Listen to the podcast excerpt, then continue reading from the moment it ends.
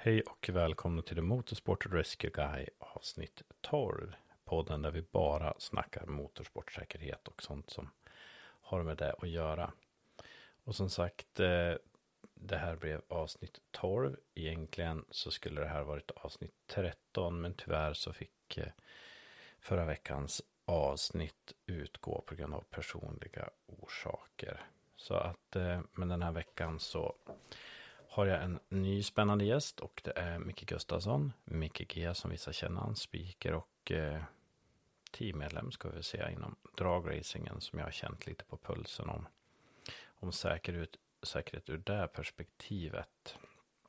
Som sagt, anledningen till uppehållet en vecka var tyvärr så möttes vi av det tragiska beskedet att en av våra räddningsmän, Torsten Totte Öhlén, tyvärr eh, avled efter en hjärtinfarkt. Och eh, det är ju, ja, det är väldigt sorgligt, tråkigt. Totte var väl ett välkänt namn inom dragracingen, i alla fall på banslut på många banor. Han började sin karriär i Sundsvall och de sista åren så har han varit åkt runt med oss på bland annat Tjura, Hudik, Söderhamn, Ljusdal och såklart Street Week. Och jag tror det är nog många förare som har mötts av Totte nere i banslut när det har gått bra eller gått mindre bra och eh, har mött ett leende, en high five, en tummen upp av Totte där. Så att eh, förutom att vi har tappat en duktig eh, medlem så har vi också tappat en väldigt trevlig människa som eh, kommer att vara särskilt saknad. Och eh, med tanke på det så vill jag faktiskt passa på att tillägna det här avsnittet till Totte och eh, till Tottes familj. Jag är glad att vi fortfarande kommer att ha kvar Tottes son bland annat i vår organisation och det glädjer mig att en liten bit av Totte fortfarande lever kvar och jag lovar att Totte kommer alltid att finnas med oss ute på banorna och jag lovar att vi kommer göra något speciellt för att hedra Totte under det här året. Så att eh, där har ni en av anledningarna till att det blev en liten paus.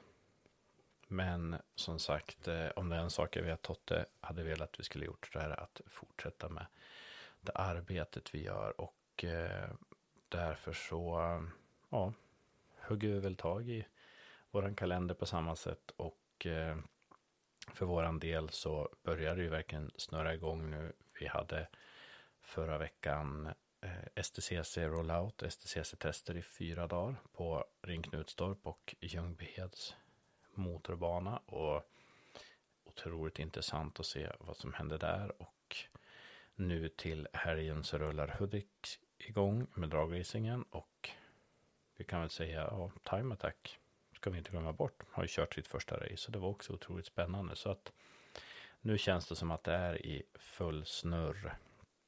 Och det är otroligt roligt att veta att stället är i bruk och eh, att bilarna börjar snurra runt på tävlingar. Så att eh, som sagt, eh, nu kör vi. Och eh, som jag sa i början så är jag med mig Micke Gustafsson i det här avsnittet. Så vi behöver väl inte dra ut mer på tiden utan eh, vi går över till mitt samtal med Micke. Tyvärr hade vi lite problem med samtalskvaliteten från Micke men jag hoppas att det ska gå bra ändå. Ja men så, hej Micke och välkommen till podden. Hej Rickard. Tackar. Vi har ju haft med dig förut och varit med och surrat lite, men jag tänkte att vi ska passa på att känna dig lite på pulsen, vem Micke Gustafsson är och vad just din roll in i motorsporten är och hur, vad du har att säga om motorsportsäkerhet. Så vad skulle du vilja säga, vad, vad är din roll? Jag vet ju att du är ju lite mångfacetterad. Ja, det har väl blivit i alla fall under åren. Ehm, det har ju varit eh, lite spretigt kanske. Den sista tiden har det varit lite så här mer enkelriktat. Från början var det åt alla möjliga håll. Då var det motocross, det var rallycross, rally, eh, ja, korkrace kanske lite grann. Men eh, sen blev det väl dragracing framför allt. Och eh, det har det varit de sista tio åren som aktiv, både som arrangör, eh, med jag, inte tävlande, jag har aldrig kört själv, men jag har varit med i team i, jag vet inte hur många olika konstellationer. Ifrån att jag åkt på gatan, ja illegalt faktiskt, nu är det så lång tid så det är preskriberat, men tävlar lite så. Och sen har jag varit, eh, jag har faktiskt varit med en här i alla fall, en tävling med Sager i Prostock och stod på startlinjen under en EM-tävling och vinkade fram chauffören. Så det var ju liksom, det är väl det spannet jag har. Sen har det varit, sista åren har vi varit blandat i det, Dels har man varit som delaktig i team och sen har jag jobbat som speaker framförallt på dragracing-tävlingar. Och då har det varit lite överallt. Det har inte bara, jag är ju från Hälsingland men Hälsingland har vi täckt, Sundsvall har vi täckt, de banorna närmast. Eh, ja, Fiat, Tjura, lite sånt. Har haft, eh, jag har haft lite förfrågningar, alltså från Piteå till Malmö, men jag har tyvärr inte kommit, kommit så långt. Det, så det finns lite olika ställen kvar att jobba på, det gör det. Men man kan väl säga, det är väl egentligen kanske din vackra stämma som kanske många känner igen om man kommer in där på banan och hör spiken berätta ur högtalarna vad som händer. Ja, jo precis. I och med den rollen man har som speaker så sitter man ju oftast under, eller inuti någonting, eller under tak eller bakom någonting. Så, så det är rätt skönt. Det är inte så himla många som känner igen en sådär. Tar en på rösten kan de göra. Det händer även i civila att folk känner igen mig. Men annars är man lite så här undercover. Det är rätt skönt faktiskt. Men då kan vi ju reda ut det där direkt då. Alltså skulle du vilja säga att spikrar har vad vi definierar som ett, eh, ett radioutseende då? Mm, absolut är det så. det radioutseende är exakt vad det är. Nu ska jag inte säga att alla gör det, men går att gå till mig själv så är det, det är väl, ja. Enkelt, krasst uttryckt så, ja, det är bra. Då kan man hålla sig där bakom det här tonade fönstret. En speaker är väl kanske någonting utav det mest okända kända för att alla känner igen rösten. Men jag tror att skulle vi rada upp våra spikrar vi har inom sporten så tror jag att det är nog relativt många som skulle få svårt att eh, sätta ett ansikte på dem. Absolut är det så. Det är så är det. Men eh, det har väl blivit lite bättre.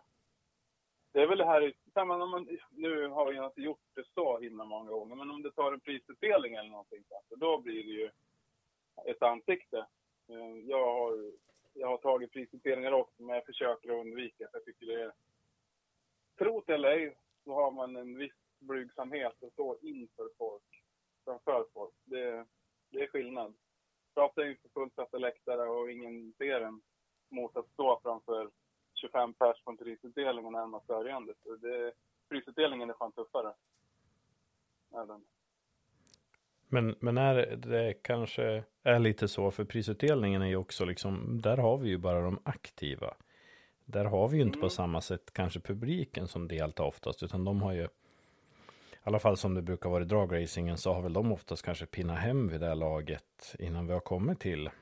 Vi har ju protesttider och sånt här innan vi kör prisutdelningarna. Så att jag tror de aktiva kan nog se det, men det är nog många i publiken som jag tror har svårt att sätta ett ansikte. Och där tror ju jag sociala medier fyller ett syfte, för att där kan man ju enklare få ett ansikte. Gärna de här fotograferna som tar foton på lite funktionärer och vad som händer runt omkring och så vidare. Så det, det tycker jag är väl, är väl ett, ett trevligt inslag, att man visar uppskattning på något sätt. Och, ja, nu avbröt jag dig, men det är faktiskt, tycker jag, väldigt viktigt. Det är väldigt många som jobbar i, väldigt många som jobbar i skymundan dagar innan, dagar efter, men eh, sällan, sällan syns någonstans. Men det har ju blivit lite bättre. Vi har ju, vi säger jag, när jag har varit nere för Tjura och jobbat så finns det ju fotografer som medvetet, och det är väl kanske att någon har sagt att jag vill att ni tar bilder på folk som jobbar i, i bakgrunden. Inte bara framhäva glimmer och glitter, utan det är rätt många tuffa timmar som aldrig kommer fram och aldrig syns. Och utan dem så skulle det inte bli många meter körda. Nej, men så är det, så är det ju någonstans. Och jag, det här har ju jag slagit mig för sen tidigare. Jag tycker ju jag kan känna en viss frustration över att vi är väldigt duktig många gånger på att visa uppskattning mot de aktiva, mot de tävlande med priser och utnämnelser och dessutom har ju de ofta fördelen att de får ju en pokal när de har gjort, när de har kört bra på sin tävling. Men liksom en funktionär får ju väldigt sällan ta emot en pokal på, på söndag eftermiddag för att den har gjort sitt jobb kanonbra. Utan då blir det ju på något sätt där vi skulle kunna uppskatta dem är ju till exempel på galor eller sådana saker. Och där brukar det ju lysa med sin frånvaro gärna. Jag har ju varit på den här Bisportgalan och där har ju väl jag uttryckt både öppet och stängt att jag anser att man borde kanske visa mer uppskattning mot funktionären. Det är lätt att säga en sak och det är en annan sak att leva upp till. Och där måste jag ju faktiskt slå ett slag för till exempel Tjura som faktiskt jag upplever har med Ronny och Börje i spetsen eh, tagit tag i den biten väldigt bra och faktiskt visa uppskattning. Och det tycker jag det, det märks på funktionärerna också. Ja, det tycker jag absolut. Vi har ju haft avslutningar och prisutdelningar. Och då har ju sånt här faktiskt premierat. Att man har, ja, någon jury har det väl kanske inte existerat. Men man har sagt att så här är det. det är, vissa mer eller mindre. Nu, alla jobbar, absolut. Och ingen är väl egentligen mer värd än någon annan. Men någonstans ska man börja. Så jag vet senaste prisutdelningen vi hade i oktober där, då då, då instiftar sig liksom en, ja men vad ska man säga, en, en eldsjäl om något annat.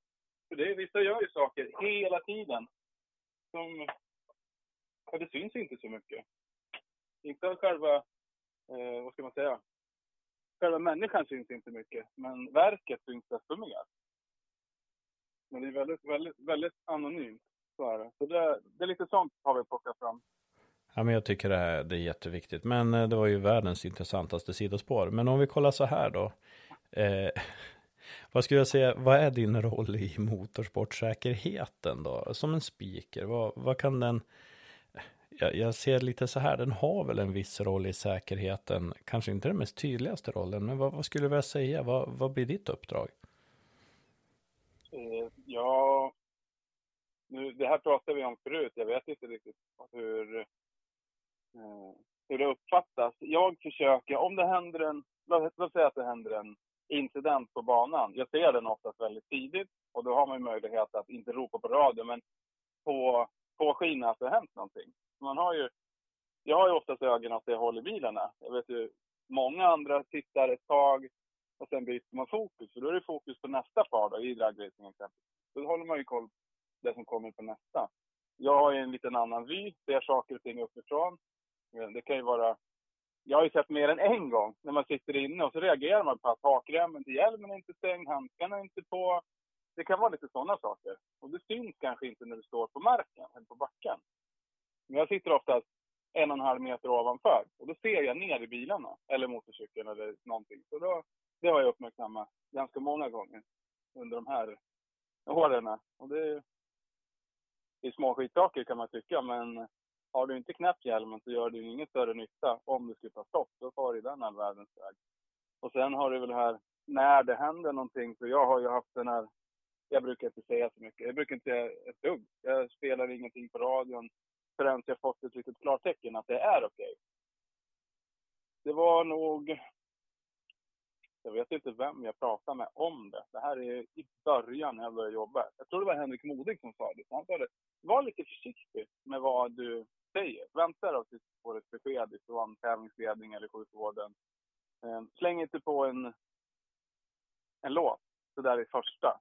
Eh, alltså det kan ju associeras väldigt dåligt. Är det så att det är en, en i utgång av den här olyckan så spelar det Stairway to Heaven. Eller Hells Belt eller någonting sånt där. Så då kanske det, det kan bli jättekonstigt. Det är bättre att avvakta. Har du inte sagt någonting så har du heller inte gjort något större fel.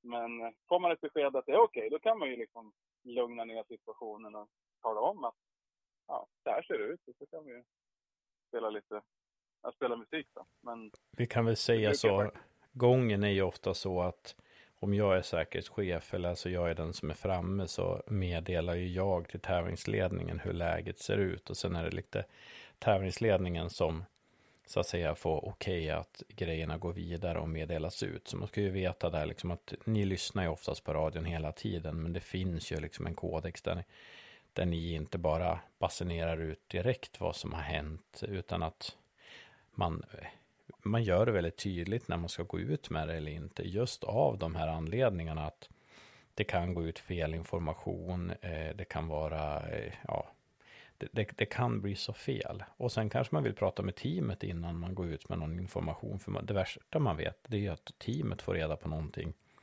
via högtalarna, utan de ska ju få det personligen. Så de har liksom koll på vad som händer och för, kan vara förberedda och så vidare. Ja, så det, jag brukar försöka vara ganska försiktig med, eller jag är försiktig med det, och det är medvetet. Så. Men, eh, men, men, men absolut, ja. se, ser, ser du en hojåkare åka av och sen ställer sig hojåkaren, eller hojåkaren upp på banan och ger mm. tummen upp.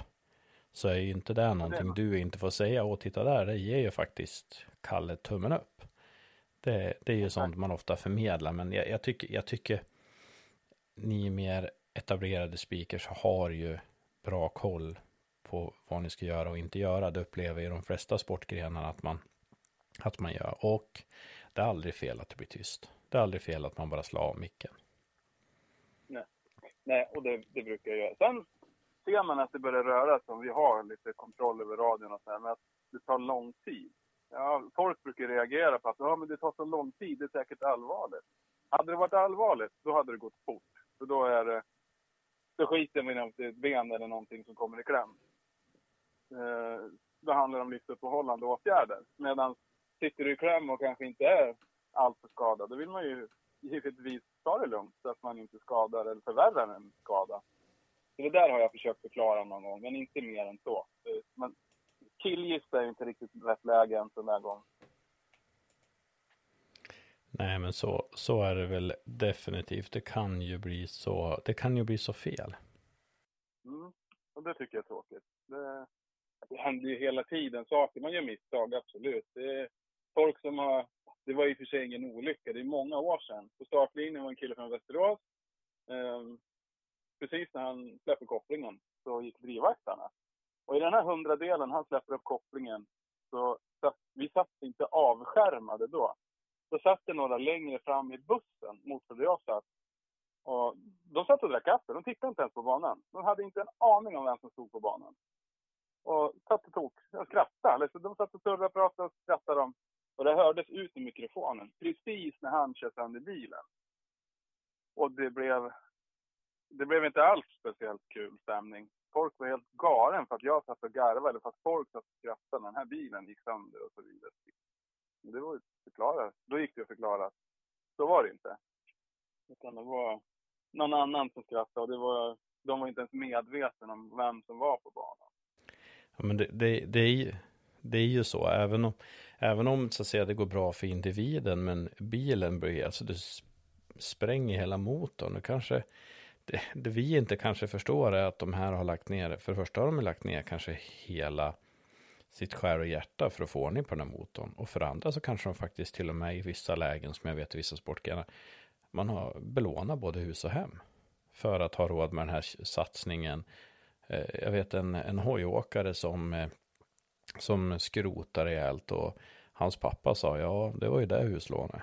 För man, hade ju belånat, man hade ju belånat upp så mycket för att göra den här satsningen. Och då som sagt en rolig kommentar, fel låt eh, kan ju bli så otroligt fel.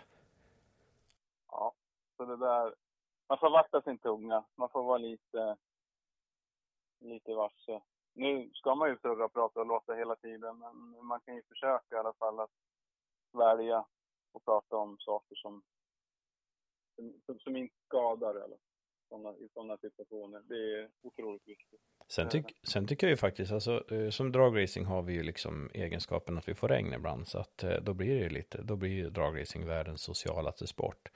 Och där tycker jag ju också en speaker kan ha en rätt så viktig roll, det här att faktiskt kanske prata lite om säkerhet eller förklara vad som finns. Jag vet, jag var inne och pratade med dig några gånger om vad vi har för organisation på banan eller prata, alltså bara lyfta de här grejerna liksom att det, ni har ju en utbildande position där ni sitter också, både mot deltagare och eh, publik. Den ska man ju definitivt inte förminska ner. Nej, och det där kan man ju försöka utnyttja ännu mer kan jag tycka. Både mot vanliga, eller vem, vem den är som är funktionär på banan. Alla har ju en, en, en uppgift och då är det perfekt en sån gång när det är regn. Kanske inte att alla lyssnar, men när det regnar så försvinner ju många in i tälten. I och med att vi kör med FM-sändningar på de flesta banor så har man ju möjlighet att sitta och lyssna. Så det behöver ju inte vara knäppt ut i radion. Utan det kan man ju serva, köra en intervju och man kan ta lite lämplig musik och så. så det, det, är också någonting som behövs överlag inom sporten. Lite mer informativt, inte bara... Då har man ju chansen att nörda ner sig rejält. Då kan man ju gå in på de här delarna. Eh, ja men som i ert fall när ni har bilarna, utrustning. Vad finns det på utrustning på bilarna? Har ni en, en tigersåg eller vad är det ni har? Det är kanske inte alla som har stenkoll. Då får man ju passa på. För det finns ju det mesta.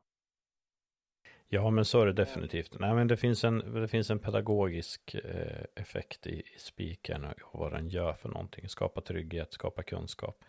Men om vi ska säga så här, vad är säkerhet för dig då? Ja, det där, det finns väl lite olika varianter på säkerhet. Dels så kan jag tycka att man eh, bör vara noggrann alltså med skyddsutrustningen, att du inte har de grejerna. Se till så att de används. Eh, har du handskar, använd de handskarna som är tänkt och inte slarva. Det är många som genar, eh, ska man säga det? Att man har grejer men inte använder dem korrekt.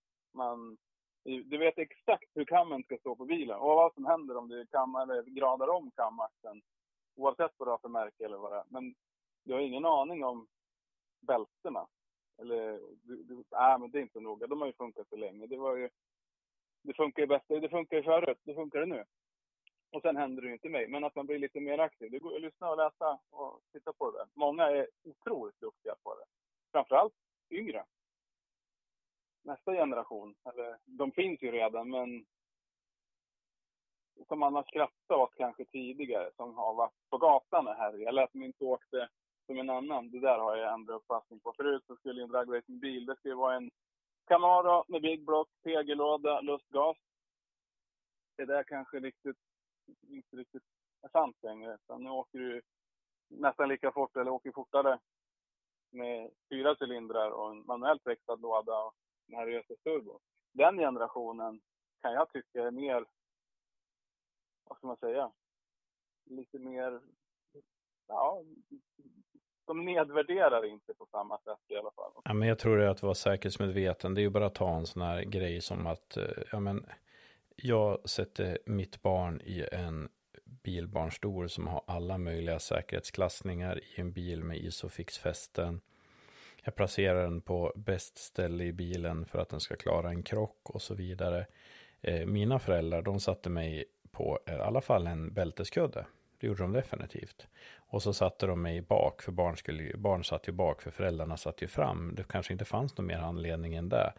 Deras föräldrar, de satt ju, de hängde de i någon bilbarnstol som hängde på, på säte eller som, eller till och med lät dem eh, klättra runt och ligga i hatthyllan. Och alltså, vi kan ju se där med de här kanske 20-30 årsregeln. Och då ska vi veta det att de som kanske åkte i, i hatthyllan på bilen, det är samma individer som vi nu försöker förklara exakt hur du ska justera ditt nackskydd. Alltså de, jag är mest impad för att de har egentligen gjort den största säkerhetsresan. Du och jag, eller eh, nu, är ju, nu är ju vi fortfarande unga skulle jag vilja säga, eller hur? Men, ja, tack. Ja, eh, men de som är lite yngre än oss då, de som är 20 nu, 21, 22, 23 där och kanske har kommit in i sporten ja, men de är ju uppväxt med CE-klassade cykelhjälmar. De är uppväxt med korrekta bilbarnstolar. De är uppväxt med säkerhet, säkerhet, säkerhet. De är ju uppväxt i ett skede där alla åker ut för med hjälm och ryggskydd. Vilket, jag kommer ihåg när vi skulle åka på eh, klassresa och åka skidor när man gick liksom i sjuan, åttan. Man fick ju låna hjälm av någon, för liksom hjälm hade väl ingen när man åkte. Och man ser liksom att de har ett helt annat tänk för att de är uppväxt i ett helt annat samhälle. Och det, Det tror jag det är en av de största fördelarna med de yngre generationerna plus deras enormt snabba förmåga att hitta kunskap. De, de går ju bara in och sen hittar de den kunskapen eller söker den kunskapen. Medan var inte uppväxt med datorer och fanns inte där. Men det kanske inte är så enkelt om du går på Google och söker på någonting. Det är så, alltså. Där tycker jag faktiskt att där har förbunden mer arbete att göra och det tar fram mer pedagogiskt material. Det var ju en av anledningarna till att jag och JP körde igång och började föreläsa 2009 var ju just att vi märkte att till och med den basala kunskapen fanns egentligen inte där ute. Det fanns inte en pamflett eller en enkel liten instruktionsfilm hur det skulle göra, utan tvärtom så det fanns, men det var inbäddat så långt i dokument och i, i sökvägar så att det var så svårt att hitta. Och där tycker jag liksom att där skulle jag inte vilja säga att vi har kommit särskilt långt, för vi har haft svårt att få respons av de högre, de högre verkande makterna i form av förbund och så vidare. Där skulle jag vilja sett att vi hade mer att ta av. För jag vet, du brukar ju ofta eh, skicka folk till, till mig eller någon annan när de har frågor om säkerhet. Och jag märker att folk är, de är som svampar, de vill ju ha kunskapen. Och de har inget problem att skaffa bra utrustning, men de vill veta varför. Ja, och tidigare så har man, ja, ja, man kör på det här, det är någon som har sagt det, men du har ingen koll eller kanske inte tänkt på anledning till varför den här, det här skyddet är bra. Varför ska det användas? Ja, och som sagt, det är för att du, har ju ett, du ska ju kunna jobba på måndag. Du slipper ju ha, förhoppningsvis, slipper du den här nackskadan. Om det tar stopp eller att du går på, så det rullar eller vad det nu händer. Det, ja, sen är det väl lite grann det här också att eh, men, vad säkerhet vad, det, men, vad, vad säkerhet är. Nu är det så här. Ja. Och där tycker jag, där har vi ju räddningen på plats. Den finns ju där. Och det är lite grann det här. Sen handlar det, ja, det går väl i varann. Man kan ju inte bara förlita sig på det är fullt räddningsmanskap. De har ju brandbilar och det finns skyddsutrustning och allting. Men du har ju ett eget, ett eget ansvar. Och där tycker jag, och det har väl att göra med kunskapen om din egen utrustning som vi pratade om nyss. Men fortfarande att man gör den där sista checken. Man kan vara lite överdrivet noga. Det kan jag när vi började åka så då var vi inte överdrivet noga. Vi, ja, men, men jag kommer inte ens ihåg att vi kontrollerade att bältena var rosa korrekt eller någonting sånt. Utan, ja, de här bältena ska sitta i, det här många punkter ska Ja, bra, då kör man på det. Eh, uh, som kommer jag ihåg som Thomas som vi skrev åt. Den var väl sitt fem nummer för stor egentligen. Och det var väl inte heller liksom riktigt korrekt. För då blir det ju... Eh, bälte hamnar ju fel. Och du som chaufför kanske inte är helt optimalt heller. Om allting hänger och... Eller ja, som, hjälmen är lite för stor. Eller det är obekvämt. Du sitter dåligt. Sådana grejer tycker jag nog att folk ska bli ännu bättre på. Just det här. Och då blir det, eh, vad kallas det, mer aktiv säkerhet. Sitter du bra i bilen, om vi pratar om bilen, så kan du kontrollera den andra. Så då har vi lite tvärtom.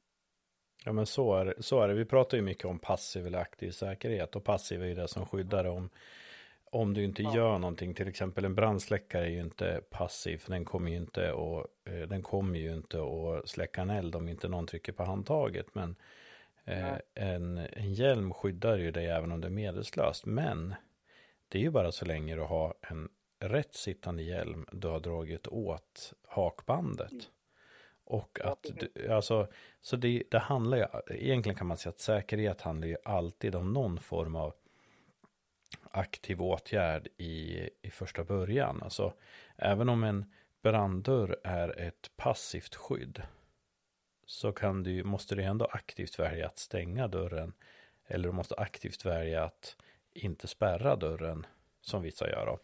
Och så att det är där utbildningsaspekten är och där har vi ju dels teknikernas jobb eller startens jobb att se till att du använder din utrustning korrekt. Men i slutändan är det ju ändå, alltså jag faller alltid tillbaka till den enskilda individens ansvar. Och där tror jag det är som du säger att de yngre är bättre på att använda det. För det finns en, en tuffhet och en ballighet i skydd. Mer än vad det, ja, det. mer än vad det gjorde förut. Sen i vissa sportgrenar finns det ju även en charm att det ska vara lite outlaw eller det ska vara lite, lite sådär wild and crazy.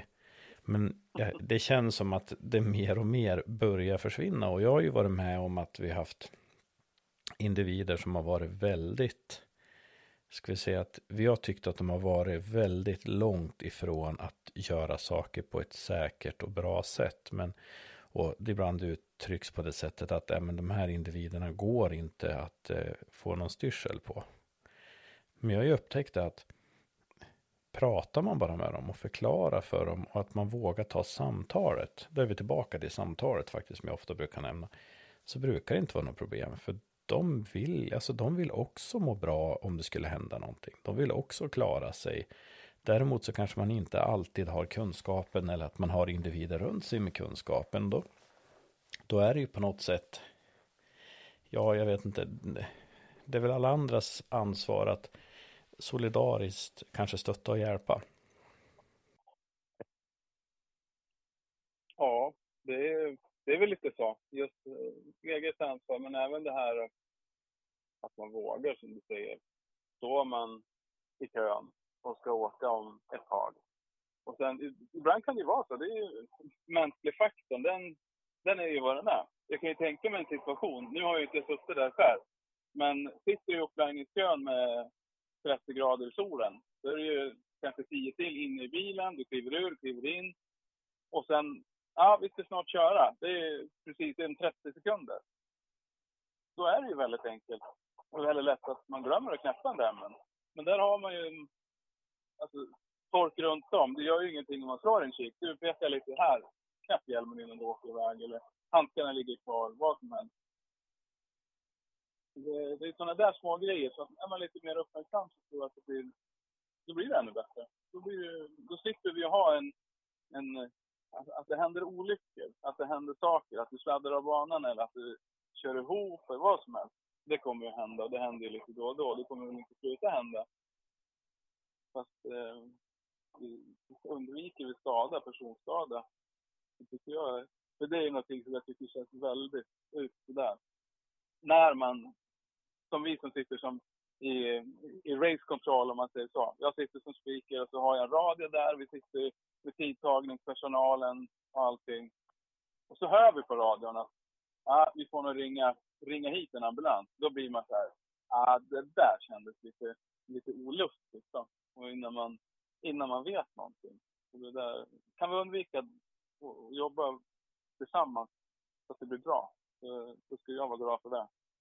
Jag tycker det, ja. Jag brukar alltid be mina gäster att eh, ta med sig, om de har ett minne som speciellt handlar om, eh, som man, handlar om säkerhet som man kommer ihåg. Har du någonting sådär som du, som känner att det här var det som har väckt mina känslor mest? Uh, ja, jag har ju fortfarande på näthinnan, jag vet ju precis, augusti, nu ska jag se, 2005 var vi på Tullinge och körde, vad heter det då? då? STC, Scandinavian Drag Racing Championship. Eh, Thomas Wiberg, en kille från Ljusdal, hade en, en eh, ganska fin en Camaro 69 och ett provsvit. Vi skulle ut och åka en kvalsväng på lördagen. Klockan var, vad kan den ha varit Halv tre, tre. Allting går som det ska. Eh, burnouten, gör repan. Och då så ser vi, han, han går ju in i mål och försvinner. Så då är jag på väg att vända mig. Så bilen bakom, så ser jag den chauffören, han sitter ju beredd. Men han har ju, han har ju ögonen mot cykeln. Jag hade ju precis vänt om. Men jag ser hans ögon, de är som PFA.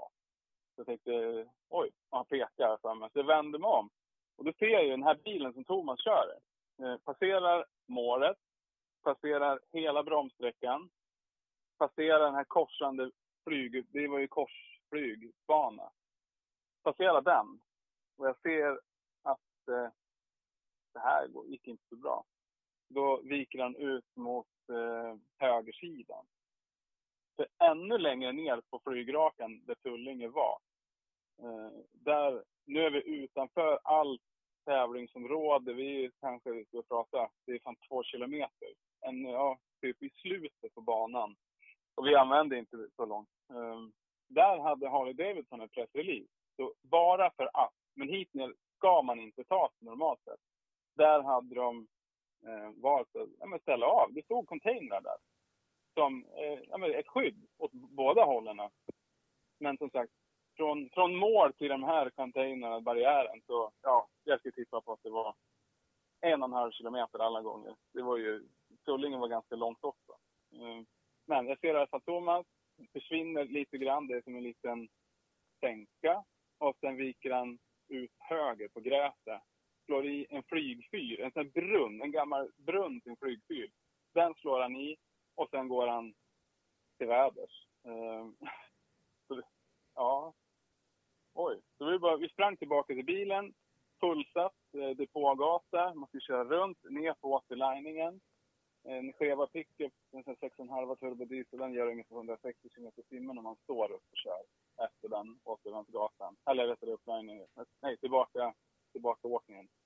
Kommer ner till, till banslutet så kommer jag ihåg Benny Strand från Hudiksvall. Han hade ju stått där och sett när Thomas kommer förbi. Över mål, förbi avfarten, sista avfarten med låsta framdäck. Så hade ju gasen hängt sig på den där Camaron. Så tidkortet hade vi 8.17, 275. Sen fortsätter det en kilometer till på full gas innan han viker av sitt skog. Och det kommer jag ihåg, för då körde vi så långt vi kunde. Sen sprang sista biten. Då satt en kille, nu kommer jag inte ihåg, jag kommer inte ihåg namn, ingenting. Men eh, det var... Eh, han hade, det, förmodligen så var det väl räddningschef, eller säkerhetschefen satt på motorcykel och hade kontakt med räddningspersonalen som hade kommit fram till bilen när den hade landat. Eh, och han sa att du får inte gå fram. Så gick det, ja, nu vet man inte hur lång tid det är. Jag har ingen aning hur många minuter, om det är en halvtimme eller om det är en timme. Det vet jag inte, kommer jag inte ihåg. Men jag vet att han eh, fick anrop på radion, tittade på mig och så sa han att så, vi, Thomas lever så du kan gå fram då kom jag ihåg, då bara wow, nu ramlar de omkull där i gräset och sen kravlar de upp därifrån. Då hade man ju varit på en sån anspänning. Vet ingenting, vet ingenting, så får man ett sånt besked. Men då fick vi gå fram. Jag fick gå fram. Då hade de flyttat över en till ambulansen. Eh, ja, med nackkrage, eh, allting så. Så det var ju... Eh, ja, så då såg man att det fungerar ju verkligen. Han hängde alltså upp och ner i bälte. Eh, där han hade landat. Jag tror från att han lättade till första nedslaget, det för att det var 90 steg, och sen 60 steg och sen 30 till där bilen låg upp och ner. Och det rök och det brann lite grann så, här, så de fick ju släcka. Det var ju någon från han kom mot headers. alltså. Så det, det brann lite. Men det gick ju bra. Den här bilen kollade vi på sen. Och allting, den börjar man ju förstå det här. Den här bilen var ju hopknåpad privat. Alltså det är en kille i, uppe i Dalarna, Ludvika tror som byggde den här bilen. Och han fuskade inte när han svetsade. Utan det var by the book. Allting som sitter inuti buren, det, var, det fanns kvar. Ehm, allting som var utanför, det var bortslaget kan man säga. Men eh, utan att den hade varit så välbyggd och den hastigheten så tror jag inte, och det trodde inte läkaren heller, då tror jag inte att vi har haft honom kvar vid livet. Liksom. Och sen, ja, då plockade vi ur den ambulansen, så kom den ambulans från Huddinge sjukhus och hämtade över. För det var en eventambulans på plats, vilka som vi har nu på Tjura. Med läkare och eh, akutpersonal. De hade läkare där. Akutpersonalen har ju på andra ställen oftast. Men eh, så kom det en annan ambulans och så fick vi åka, jag följde med in till Huddinge sjukhus. Och du vet när du sitter i, eller i bilen, jag sitter fram, så frågar ju killen bak som sitter och tar hand om honom hur fort gick det egentligen? Dragracing, det går väl fort? Va? Ja, jag vet 275 kilometer i timmen hade du på tidkortet. Men det gick nog fortare när han kraschade. Det blev helt tyst i ambulansen. Oj, det bara. det, var, det är sådana minnen, som det kommer man aldrig att glömma. Det finns ju inte dokumenterat, jag har aldrig sett det någonstans. Att det är någon som har filmat eller någonting sånt. Men 2005, då fanns det telefoner med kamera, men eh, nej, det är inte som idag. Det, det finns jag, jag tror inte att det finns så dokumenterat, men det var många som har sett det. Det är det. Men just den bilden, det är någonstans börjar man tänka, jaha, um, det här med nackkrage, då åkte vi alltså Pro-Street heter det. Eh, en vanlig nackkrage var godkänd, alltså en, en sån som du har så du är som grannen är bäst, ingenting annat. Det var inte ett hybrid eller någonting sånt, utan en vanlig krage. Men ja, den gången funkar det. Eh, så det, ja, det är nog det starkaste minnet man har vad det gäller det här med säkerheten. Och, hur det, och det funkar bra. De var framme, jag kommer ihåg Johan Westberg, han satt på fyrhjuling någonstans. Och jag ser hur han följer Thomas. Innan han hade stannat Det var Johan Wester... jag tror det var han, jag för mig det. Och vet, han var ju nere i samma dike, vet, han var ju två meter upp i luften med är fyrhjuling. Men han var ju så fokuserad han på att försöka ta sig fram.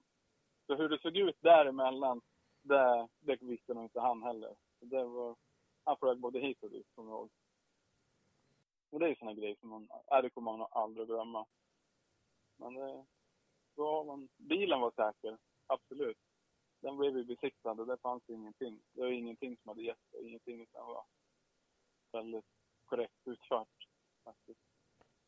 Ja, men det är väl, det är väl, alltså det är ju då sakerna fungerar och det är ju det vi är ute efter. Det är ju liksom hela systemet på något sätt och jag får ju ofta beskrivet för, av mig, eller för mig lite om den här hopplösheten man känner när liksom när bilen börjar volta eller sticka iväg eller när det brinner liksom hur att vara team och stå där och se det hända. För du kan ju inte göra någonting egentligen just i detta då.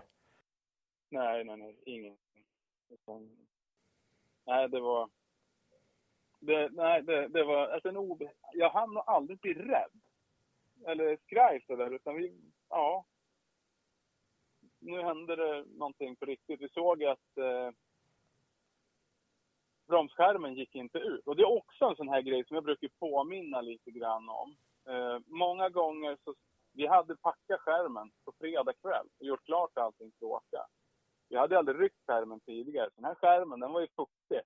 Och en fuktig skärm, den går inte ut i luften som den ska. Det kan jag säga att det har vi provat. Det funkar inget bra med en blöt skärm. Så det är jättebra. Det ser man ibland på tävlingar att folk står packade färdigt. Är inte det bättre att bara hänga upp de här skärmarna i tältet om man har sånt eller täcka över eller och jävligt noga med dem. Då får du ner hastigheten. För er som eh, lyssnar och som inte håller på med dragracing så är det ju så att man har ju bromsskärmar på de snabbare bilarna helt enkelt för att hinna få stopp. Och du kan ha en eller två bromsskärmar. Och det som händer om man packar en bromsskärm och den är fuktig eller att man packar den och har varit packad länge till exempel är att eh, det är som en fjäder bak som släpper ut den här. Och det enda som händer är att du släpper ut ett litet, med litet eh, knyte i tyg och sen kommer det att bara landa rakt ner.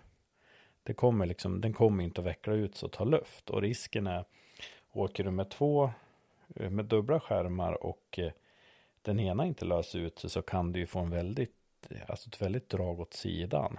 Så det finns ju en risk i det också. Så därför så brukar man säga att det är föraren som ska packa skärmen så han vet att den är packad och den ska packas, eh, packas alldeles innan färd.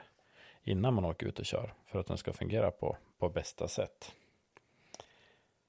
Men eh, saker händer ju på, eh, på banor och eh, man kanske inte har fullt fokus alltid eller att man har lagt fokus på något annat. Så att sådana där saker glöms ju tyvärr bort ibland. Ja, det är också en sån här grej. Så har man samtalet som man säger. Ja, man kan ju fråga, men eller tala om, säga. Man behöver inte vara besserwisser eller gå och peka, men eh, har man någon kompis så vill man ju gärna fortsätta kunna vara polare och se att den faktiskt finns. Få ner hastigheten 100 km i timmen. Om det går riktigt illa. Om det inte har en broms eller att det är någonting som rycker. Och det är hastigheten och bromsskärmen. Jag tycker det är bra att man använder Dels fakta, det tar inte alls väldigt lång tid. Jag första gången vi packade ramskärmen i Piteå, 02, då hade vi på 45 minuter innan det var skärmen in på här. Sista svängen när vi åkte så tog det väl kanske en minut eller någonting sånt där. Det var ju, jag vet inte, rutinerna viker en och sen ja, korrekt. Så att den inte korsar någonstans. Utan träning är färdighet, absolut. Och så vet jag Thomas är väldigt noga med det där. Just att, eh, även fast det inte går så fort, nej men jag rycker skärmen. För då blir det då blir det en automatik. Så skulle han stå på tvären någon gång, så, då går det på automatik och så lugnar det ner ekipaget. Det är också en grej som jag tycker att folk är lite för kanske man ska säga. Men ja, är det släpa, mäter den och så vidare. Jag förstår det absolut. Men kommer du på en bana där det är kort bromssträcka så har du aldrig använt bromsskärmen. Då är det ju... Då är du lurar dig själv lite grann. Så vet jag inte hur den funkar.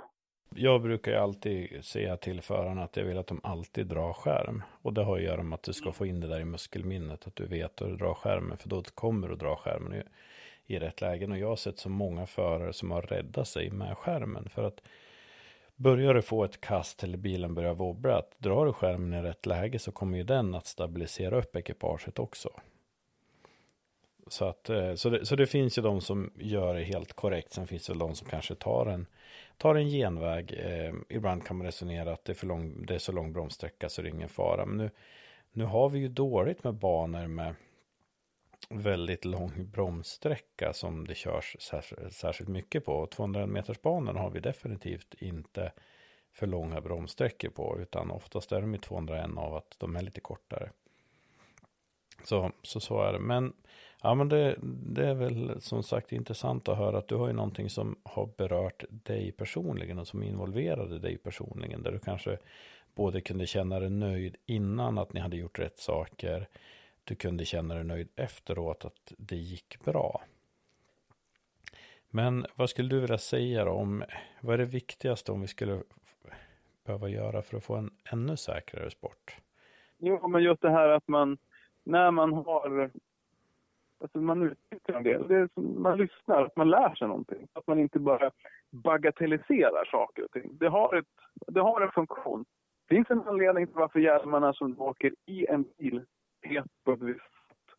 Och det är för att de smälter kanske inte ner en våt disktrasa överallt om det börjar brinna. Utan de får helt annorlunda. De är tillverkade, konstruerade och utprovade för att du klarar det i, när du sitter i en bil. Det är ingen motorcykel du ska använda.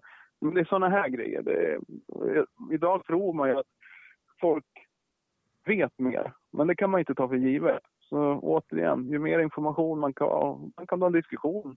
Kan du inte själv så förmedla kontakten. Ja, men jag vet en som har koll på läget. Och det vill jag ju göra för att den människan som inte har rätt grejer, att han faktiskt klarar sig eller hon klarar sig i en situation.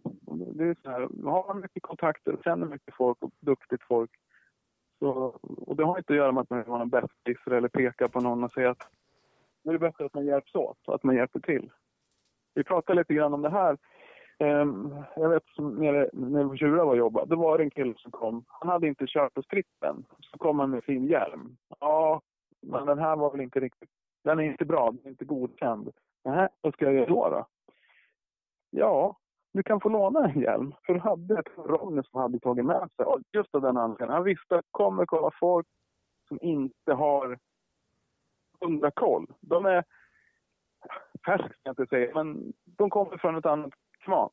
Så kommer man in, man har använt hjälmen. Kanske åkt på gatan, vad vet jag.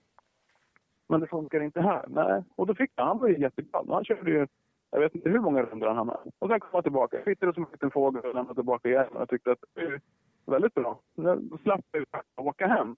Nästan att löser problemen på platsen om man kan. Det finns alltid möjligheter. Och det tror jag är jävligt viktigt att man hjälps åt just i sådana situationer. Och att du har en bra attityd. För då, då lyssnar ju folk på det. Har du en dålig attityd, då, då, det är som små barn. Då springer de åt andra hållet. I alla fall, det är, det är lite min upplevelse av saker och ting. Så är det väl på något sätt att vi, eh, alltså, vi måste ju ta oss an folket på ett bra och pedagogiskt sätt. Det går ju liksom inte att ställa sig och klappa dem på huvudet och säga förstår ni inte bättre. Samtidigt går det ju inte att säga att ah, ja, det, det går nog bra, vi, vi struntar i det där nu, utan någonstans så måste vi ju våga ta, vi är återigen tillbaka till magiska ordet samtalet, att våga ta samtalet. Absolut, och det tror jag nog att, att och det blir mer och mer accepterat på något sätt, just det här tänket. Så det, det är bra, det, det tycker jag är positivt. Ja, men det är intressant. Men eh, Vad skulle du vilja lära dig mer då när det gäller motorsportsäkerhet? Har du någonting som du känner det här skulle jag vilja fördjupa mig i? Ja, lite mer fakta. Alltså just det här med vad är det som gäller? Alltså regelmässigt. Om jag ska åka med det här bränsle, den här eh, power adden, vad behöver jag ha? För den frågan får jag mer än en gång. Om jag, om jag ska till Kjula och köra och sen, jag kommer ju här och så har jag eh, metanol och turbo eller någonting sånt där. Vad behöver jag ha? Ja, jag kan ju inte säga att ah, men du måste ha en, eh, en si och så, för det vet jag inte riktigt. Och då är det det här, då mycket jag förmedla, brukar jag förmedla telefonnummer eller kontakter till folk som, som har koll på läget. Men där skulle man ju kunna tänka sig att ja, men det, det, så här ser det. Åker du med det här, det här, då behöver du ha minst den här formen, eh, SFI-taggen eller vad man ska säga, att det är en sån overall eller den här hjälmen som gäller. Lite sådana grejer skulle jag vilja läsa på lite mer om. Det tror jag är, när man är i det läget, att folk frågar ofta och pratar ofta med en just om sådana saker. Så det är lite sånt jag tänker på. Annars är det nog, jag vet inte riktigt om det går in så mycket mer i huvudet. Det brukar vara folk där. Men...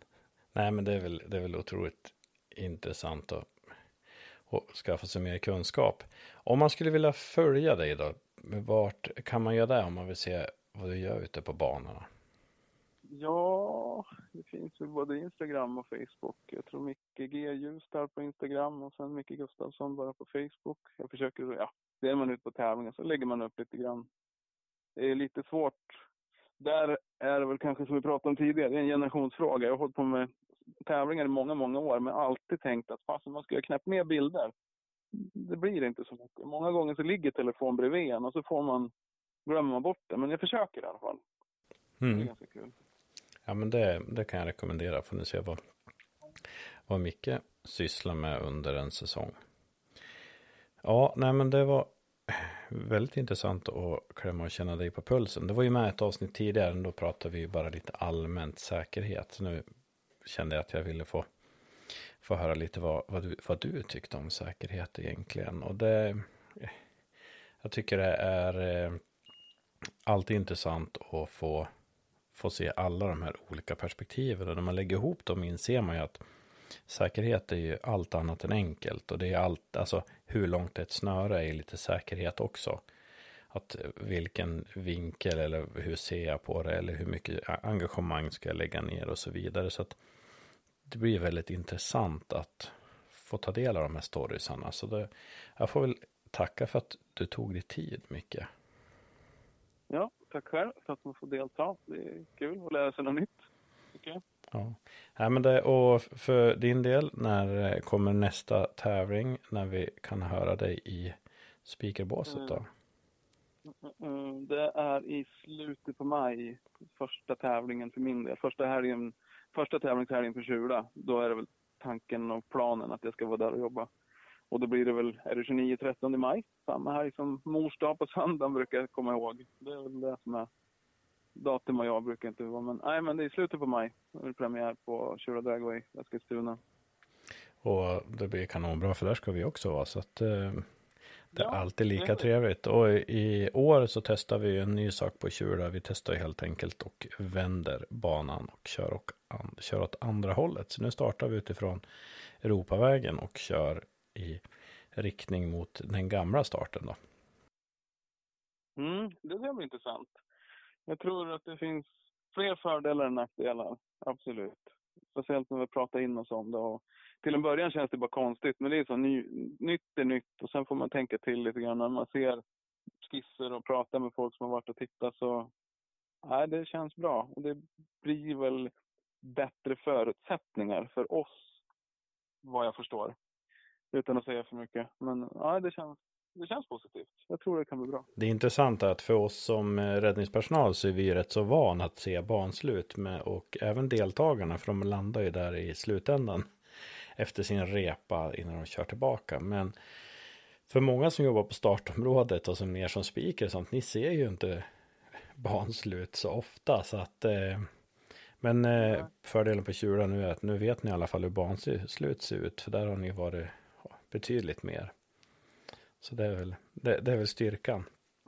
Men, nej, men jag, tror, jag tror det kan bli bra och jag tror att eh, ja, allt har sin tid och nu gör man det bästa med förutsättningarna som finns där. Så att nej, men det, det ska bli en otroligt spännande helg även där och se vilka bilar som rullar ut och vad folk har gjort inför kommande säsong. Det brukar ju komma dit smygande lite Street Week-bilar och lite allt möjligt. Så det brukar kunna vara en salig blandning som de har lyckats dra till sin bana. Så det är alltid lika roligt. Men eh, tack Micke för att du tog dig tid som sagt. Och sen så eh, ser vi så på återseende. Ja, men tack detsamma. Och som jag hade tänkt att säga återseende. Vi ses så snart igen och hörs om inte annat. Så det är bara att tacka. Ha det bra. Ett stort tack till Micke Gustafsson som ställa upp denna vecka så vi fick känna på lite vad han tyckte om säkerhet. Som sagt, avsnitt 12 var detta av podden och eh, jag ser fram emot att eh, få lite mer energi nu och spela in lite fler intervjuer som vi har på gång. Är det så att ni är intresserade av vad jag håller på med så eh, passa på att besöka oss på Facebook och Instagram under The Motorsport Rescue Guy. Kan ni se mina framfarter ute på banorna och vad min involvering i sporten är. Och eh, som sagt, se till att prenumerera så att ni inte bommar när vi kommer med nya avsnitt. Och vi brukar komma våra avsnitt tisdag morgon. Så tack för denna vecka och vi syns igen nästa vecka och fram till dess, ta det säkert. Thank you.